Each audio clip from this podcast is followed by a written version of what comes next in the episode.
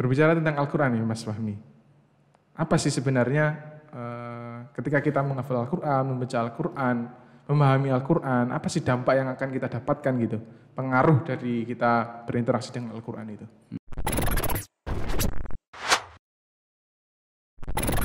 Assalamualaikum warahmatullahi wabarakatuh. Halo semuanya, selamat datang di Raw Educate, inspiring people around the world. Hosted by me, Muhammad Firdaus Imaduddin. Ya, sebelumnya kita bahas, sudah bahas pendidikan, mahat, lingkungan, dan lain-lain.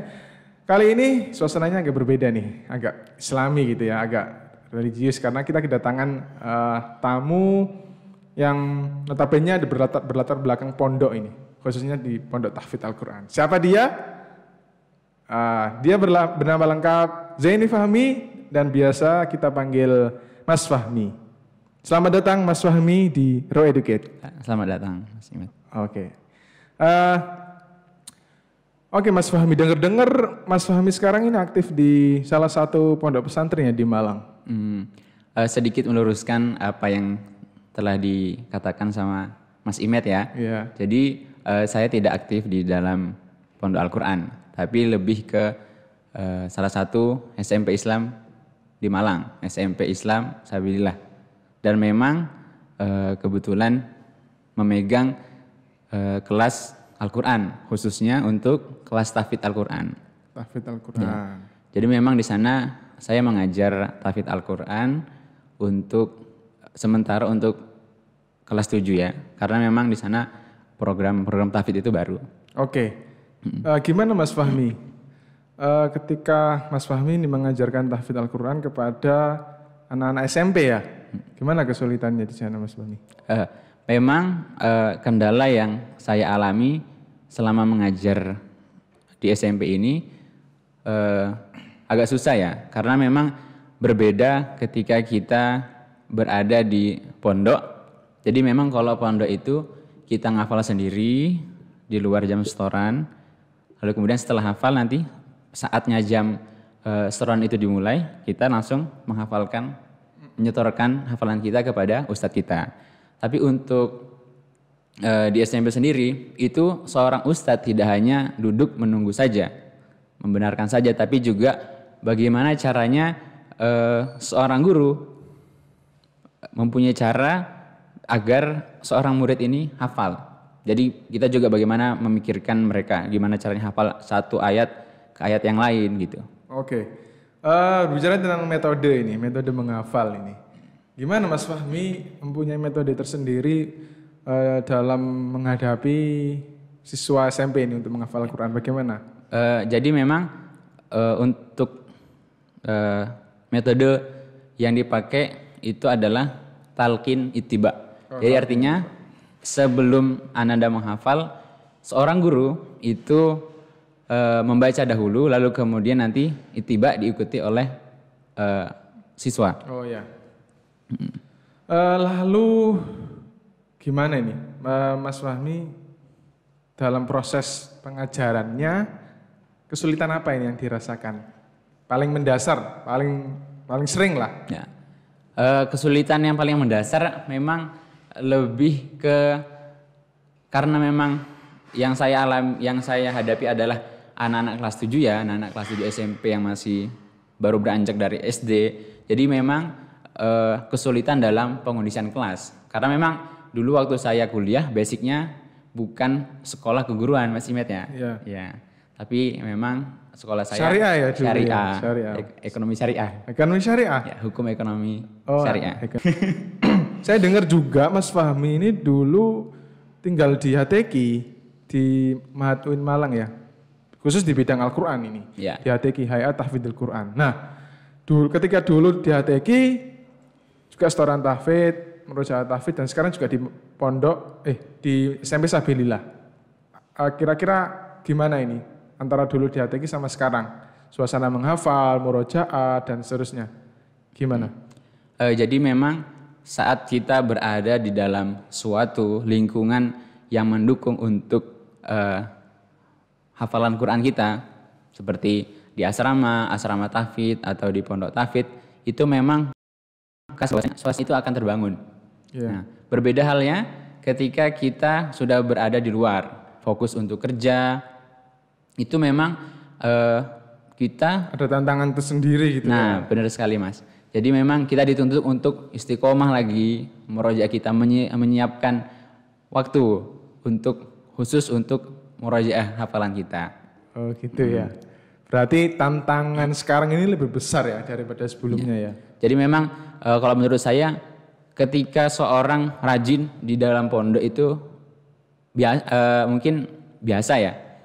Yang luar biasanya adalah ketika kita sudah di luar berada di lingkungan yang bukan sama sekali Bebas bukan ya. Al-Qur'an, ah, bebas di mana kita dituntut eh, kita kesadaran diri sendiri kita itu yang susah. Ya, harus benar-benar bisa me- mengatur waktu dan benar-benar istiqomah, komit- komitmen gitu ya dalam projaah itu. Jadi eh, sedikit menjelaskan mas, mas ya, eh, saya selain kegiatan pagi sampai sore kan memang eh, mengajar di SMP Islam Sabilillah ya.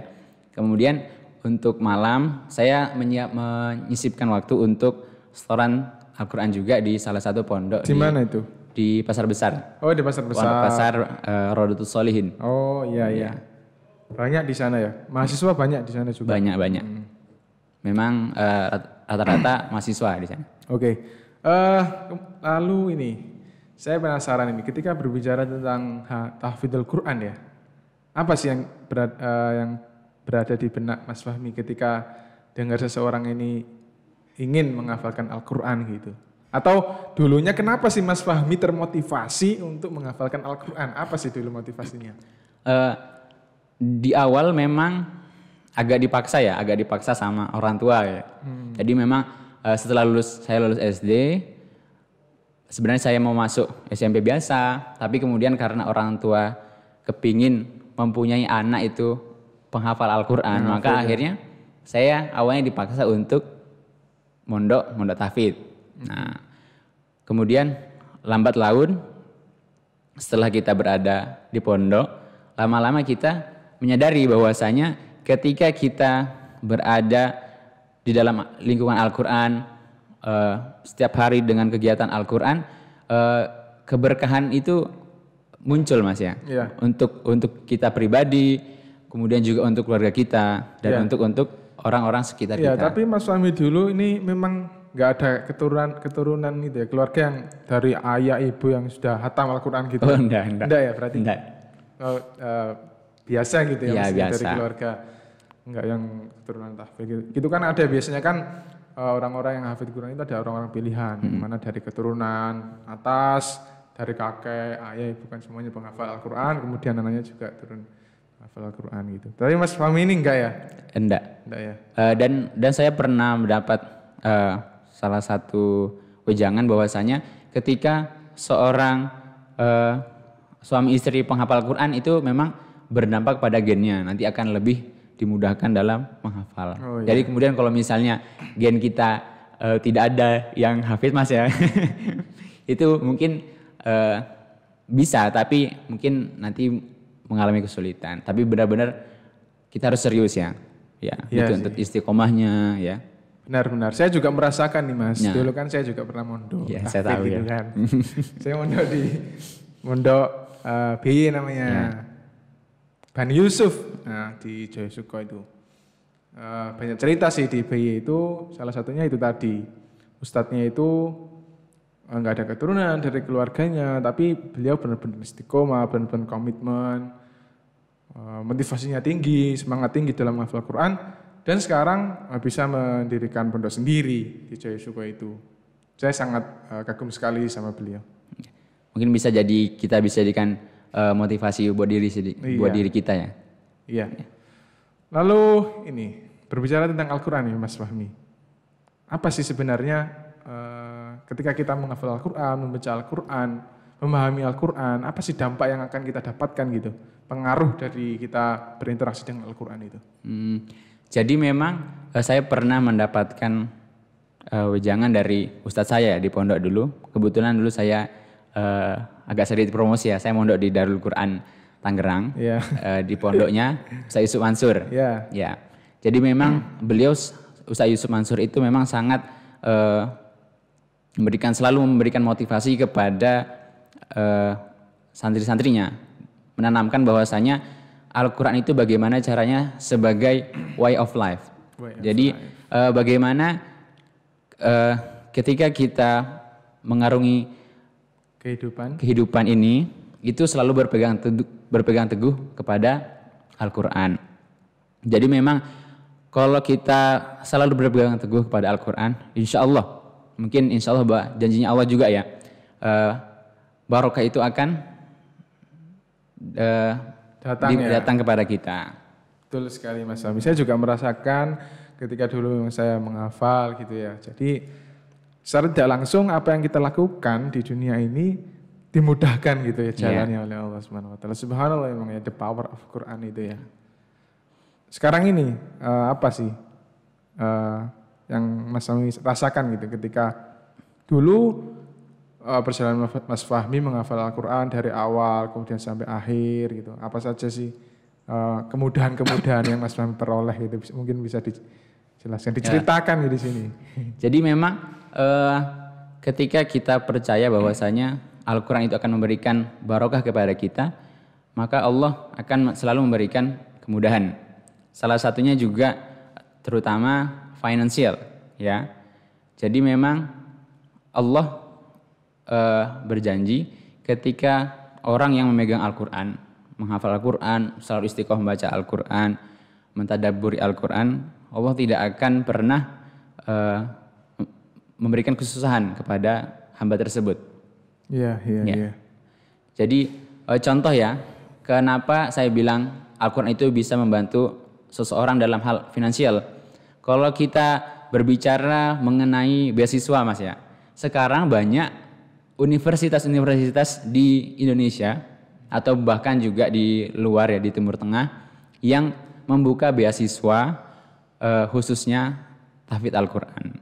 Jadi eh, ketika kita memang kesusahan untuk eh, kuliah misalnya ada sebagian orang yang su- kesusahan untuk eh, kuliah dengan menghafal Al-Quran itu juga bisa membuka Iya, Ya, betul sekali Mas betul ya. Betul Ya. sekali ya, ya, ya. Itu salah satu mukjizat ya, saling kemudahan yang diberikan Ya. oleh Allah melalui perantara Al-Quran itu memang sangat luar biasa. Dalam perjalanan menghafal Al-Quran ini, dari awal sampai akhir, kesulitan apa sih yang Mas Fahmi lalui dalam menghafal Al-Quran itu sejak awal sampai sek- sekarang ini? Eh, permasalahannya mungkin hampir tidak saja saya yang rasakan ya. Mungkin tidak hanya saya ya rasakan, tapi juga umum kepada Iya. seluruh penghafal Quran. Yaitu adalah eh, rasa malas. Nah, rasa malas kemudian juga banyak pikiran, banyak eh, memikirkan duniawi Mas ya. Karena memang ya zaman sekarang eh, gadget ya, gadget dengan segala eh, permasalahan yang ada di dunia ini Nah. Iya betul Mas. ya itu berdampak kepada eh, rohani kita kecintaan kita kepada Al-Quran Iya, nah itu juga yang membuat kita eh, tidak selalu fokus untuk fokus di Al-Quran saja tapi karena memang gangguan dari media sosial seperti Instagram, YouTube itu memang sangat berpengaruh kepada eh, pola pikir kita, hati kita, rohani kita dalam menghafal Al-Quran. Ya, tapi saya lihat lihat ini Mas Fahmi di samping ini ya, eh ya selalu istiqomah ya menghafal Al-Quran. Tapi di sisi lain juga Mas Fahmi ini seorang yang sosialis, kemudian juga sering berinteraksi dengan gadget gitu ya, bermedia sosial gitu. Gimana sih kira-kira Mas Fahmi dalam mengatur eh, hal-hal tersebut ini? Nah, eh, jadi memang eh, saya tidak mungkin bukan yang eh, seperti pandangan Mas Imet ya. Iya.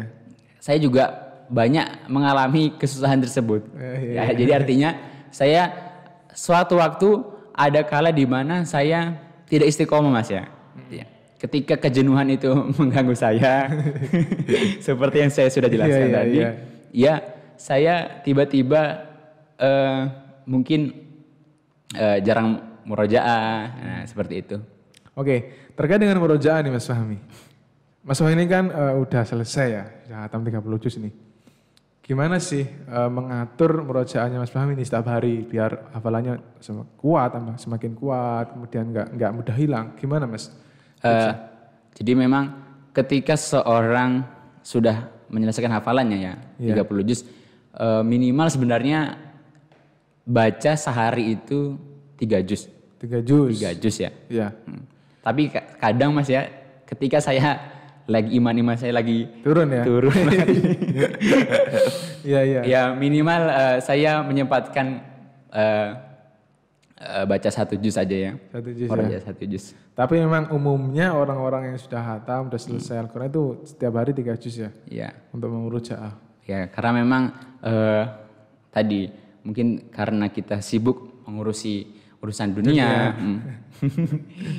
juga berdampak kepada keistiqomahan kita. Ya, itu sangat betul sekali Kang Mas Fahmi. Eh, Eh, mungkin eh, saya bisa bertanya balik ya kepada Mas Imet. Kan eh, saya tahu bahwasanya Mas Imet pernah mondok ya, pernah mondok. Ya, tadi sudah dijelaskan Ya, di, betul, betul, Mas. di Bani Yusuf. Bagaimana eh, Mas Imet mm, menjaga hafalan yang sudah didapatkan di pondok? Iya, Apakah masih terjaga atau agak menurun, ini ya, ya. hafalan kualitas hafalannya? Iya sih Mas Fahmi ya. Saya cerita sedikit sih. Emang eh, dari dulu emang saya ada eh, udah mulai menghafalkan Al-Quran sejak SMA, sejak SMA itu ya. Ya. Terus kemudian di Win Malang, terus kemudian saya juga mondok di Bani Yusuf, itu saya juga menghafalkan Al-Quran. Eh, yang saya rasakan hafalan saya itu memang kalau tidak dimurojaah itu bakal hilang. Bahkan kalau tidak murojaah lama banget, hampir satu bulan, hampir setahun bahkan ya, itu benar-benar eh, harus harus menata niat lagi dan harus mengeluarkan usaha yang lebih keras lagi untuk menghafalkan Al-Quran, untuk mengulang kembali hafalan kita. Yang saya rasakan ketika saya mondok itu di Bani Yusuf, saya merasakan bahwa memang Al-Quran itu eh, teman kita gitu ya, selama sela- setiap hari. Karena kita memang setiap maghrib kita ada jadwal murojaah, kemudian habis isya kita ada jadwal untuk setoran gitu kan. Jadi Al-Quran memang eh, benar-benar menjadi sahabat kita gitu kan. Jadi kita bisa intens, kita bisa interaksi dengan Al-Quran itu eh, sering, sering kali, kemudian nggak jarang. Sehingga kita, hafalan kita kuat. Dan Alhamdulillah, saya dulu di Bani Yusuf eh, juga udah pernah membaca Al-Quran, gitu, menghafal Al-Quran eh, selama berjam-jam gitu ya. Alhamdulillah saya kuat gitu kan. Yang sebelumnya saya belum pernah melakukan hal tersebut. Karena dulu kan memang sistemnya eh, sistem nggak baca langsung banyak jus gitu ya. Mungkin beberapa jus aja beberapa halaman mungkin. Tapi di BY itu ada peraturan yang mengharuskan mas santrinya, mengharuskan santrinya untuk menghafal Al-Quran, membaca Al-Quran setelah hafal kelipatan lima. Hmm. Iya kan? Jadi, Jadi- ada setiap- tantangan gitu ya. Setiap lima juz baca di depan. Ya, lima juz selesai harus dibaca namanya tasmi kan. Oh, tasmi. Ada tasmi itu. Jadi harus dibaca itu sekali baca harus selesai. Nggak, nggak boleh di eh, dibagi-bagi, harus langsung selesai. Lah, eh, saya merasakan sampai sekarang hafalan saya ketika sudah beberapa kali dimurja kemudian dibaca dengan langsung itu, saya merasakan eh, kemudahan gitu ya. Ketika kita walaupun jarang murojaah gitu kan. Alhamdulillah ketika kita mau murojaah lagi, kita mudah untuk mengingat ayat tersebut. Hmm. Itu yang saya rasakan. Akan tapi ketika ayat tersebut eh, jarang dibaca, bahkan cuma beberapa kali saja, eh, kemungkinan besar ayat tersebut hilang dari pikiran gitu, Nah, itu dari hati ya itu. Itu salah satu tantangan besar sekali. Dan sekarang ini yang saya rasakan juga seperti itu. Karena kesibukan yang semakin banyak, ditambah kuliah, tugas yang semakin numpuk gitu kan, terus pekerjaan juga benar-benar saya merasakan eh, godaan itu, cobaan itu harus untuk menguroja Al-Quran lebih sering lagi, lebih banyak lagi. Seperti itu Mas Fahmi. Kok jadi saya yang ditanya banyak ini? saya hostnya ini di sini. Ah, oke. Jadi kita ngobrol santai aja Mas Imet ya. Oh, Kita iya, saling sharing. Siap, siap. Ya. Ya, gitu Mas Fahmi. Ya, jadi memang eh, saya tahu ya bahwasanya bahwasanya Mas Imet ini kan memang sibuk eh, Iya. mempunyai juga eh, studio foto ya, studio foto, video, RO production Iya. yang dikembangkan sendiri dan bersama teman-temannya. Betul, Iya. Mas Fahmi. Juga sibuk kuliah S2. Iya. Nah, itu memang kalau saya eh, pikirkan kalau saya eh, bayangkan memang sangat-sangat susah untuk benar-benar fokus Iya. ya, fokus. saya teringat sama satu ungkapan yang mengatakan bahwa gini, tidak penting seberapa banyak kamu menghafal Al-Quran. Akan tetapi yang lebih penting adalah ber- seberapa banyak Al-Quran itu menjaga kamu. Gimana menurut Mas Fahmi itu? Oh, berat sekali ya Jun. ya saya kan eh, sempat eh, suatu kali kan sa- saya tahu itu ungkapan itu. Gimana itu menurut Mas? Eh, Pandangan Mas Coba mungkin karir mas bisa diulang Ya gini, ungkapannya pertanyaannya. Gini ungkapannya, eh, tidak penting seberapa banyak kamu menghafal Al-Quran. Akan tapi yang lebih penting adalah seberapa banyak Al-Quran itu yang menjaga kamu. Kan gini, kan itu kita melihat eh, kenyataan yang banyak terjadi sekarang ini kan Iya. banyak sekali nih penghafal Al-Quran ya. Sudah hatam, sudah bahkan mungkin sudah lancar ya. Akan tapi dalam segi perilaku, kemudian tingkah laku, sopan santun, kemudian tindakan-tindakan mereka-mereka itu ada yang eh, kurang kurang baik gitu, tidak sesuai dengan apa yang ia hafalkan yaitu Al-Quran gitu. Eh, maka dari itu ungkapan itu mengatakan tidak penting or- orang-orang itu seberapa banyak orang menghafal Al-Quran, seberapa banyak juz yang dihafalkan oleh orang tersebut akan tapi seberapa banyak yang penting adalah seberapa banyak Al-Quran itu yang bakal menjaga dia.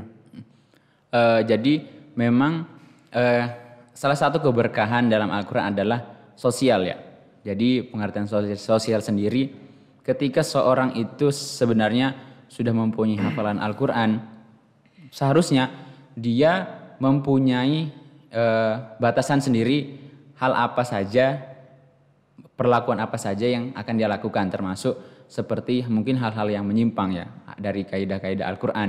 Ya gitu Mas Fahmi. Jadi saya itu agak cenderung miris ya merasakan sebuah eh, ketidakenaan hati gitu ya. Ketika mendengar dan melihat fenomena yang sekarang banyak terjadi itu orang-orang yang sudah menghafalkan Al-Quran sampai hatam selesai lancar akan tetapi eh, dalam segi tindakannya, amalannya, perilakunya itu kurang mencerminkan Al-Quran itu sendiri. Jadi mungkin faktornya juga makanya itu dianjurkan selain kita menghafal Al-Quran juga eh, mengetahui maknanya dan mentadaburi maknanya. Ketika seorang sudah selain menghafal dan juga sudah memahami makna dalam Al-Quran, insya Allah sebenarnya perbuatan seorang penghafal Al-Quran itu akan terjaga. Ya. Jadi memang eh, banyak kasus-kasus yang sudah dibi- dibi- dibilang sama Mas Ime tadi, ketika orang yang hafal Quran tadi, tapi kemudian akhlaknya juga tidak mencerminkan Al-Quran Iya. itu, mungkin kalau saya bisa menyimpulkan mereka kurang mentadaburi dan eh, memahami, mempelajari eh, ilmu Al-Quran itu sendiri. Jadi cuma lisan saja ya. Jadi hanya tersampaikan lisannya saja, tapi hatinya tidak tidak tersentuh. Padahal dikatakan bahwasanya ala bidzikrillahi tatmainnul qulub. Eh, baik Mas Fahmi, tadi kan udah berbicara banyak nih tentang menghafal Al-Quran, kemudian tentang kelebihan dan keberkahan Al-Quran. Ya. Sekarang saya minta Mas Fahmi untuk membaca ini satu atau dua ayat dari Al-Quran. Katanya saya juga karena saya dengar-dengar Mas Fahmi juga imam tarawih gitu kan, pasti kan suaranya merdu dan indah ini. Oh, sebenarnya biasa aja Mas ya. ya udah, eh, Mas Fahmi silakan eh, membaca satu atau dua ayat ya. أعوذ بالله من الشيطان الرجيم بسم الله الرحمن الرحيم الذين آمنوا وتطمئن قلوبهم بذكر الله. ألا بذكر الله تطمئن القلوب. الذين آمنوا وعملوا الصالحات طوبى لهم وحسن مآب صدق الله العظيم Subhanallah, sangat merdu sekali mas suaranya Mas Fahmi ini. Memang benar sekali Mas Fahmi ini jadi imam terawih ini. Ya Bisa membuat orang mamunya tidur semua. oh oke, Eh, mungkin cukup sekian perbincangan kita t- soal Al-Quran, soal tahfidz Al-Quran. Baik, eh, mungkin itu saja perbincangan kita pada sore kali ini. Eh, kurang lebihnya mohon maaf dan saya sendiri eh, ingin menyampaikan bahwa Al-Quran adalah eh, kitab suci yang memang harus dipelajari dan dipahami dan pastinya harus diamalkan dalam kehidupan sehari. Jangan sampai Al-Quran hanya sebagai ucapan dari lisan kita kan. Tapi Al-Quran harus diamal, benar-benar diamalkan ini untuk semua para milenial. Oke, kurang lebihnya mohon maaf. Cukup sekian. Terima kasih dan sampai jumpa di lain kesempatan di program yang sama di Roy Educate, Inspiring People Around the World. Assalamualaikum warahmatullahi wabarakatuh. Waalaikumsalam warahmatullahi wabarakatuh.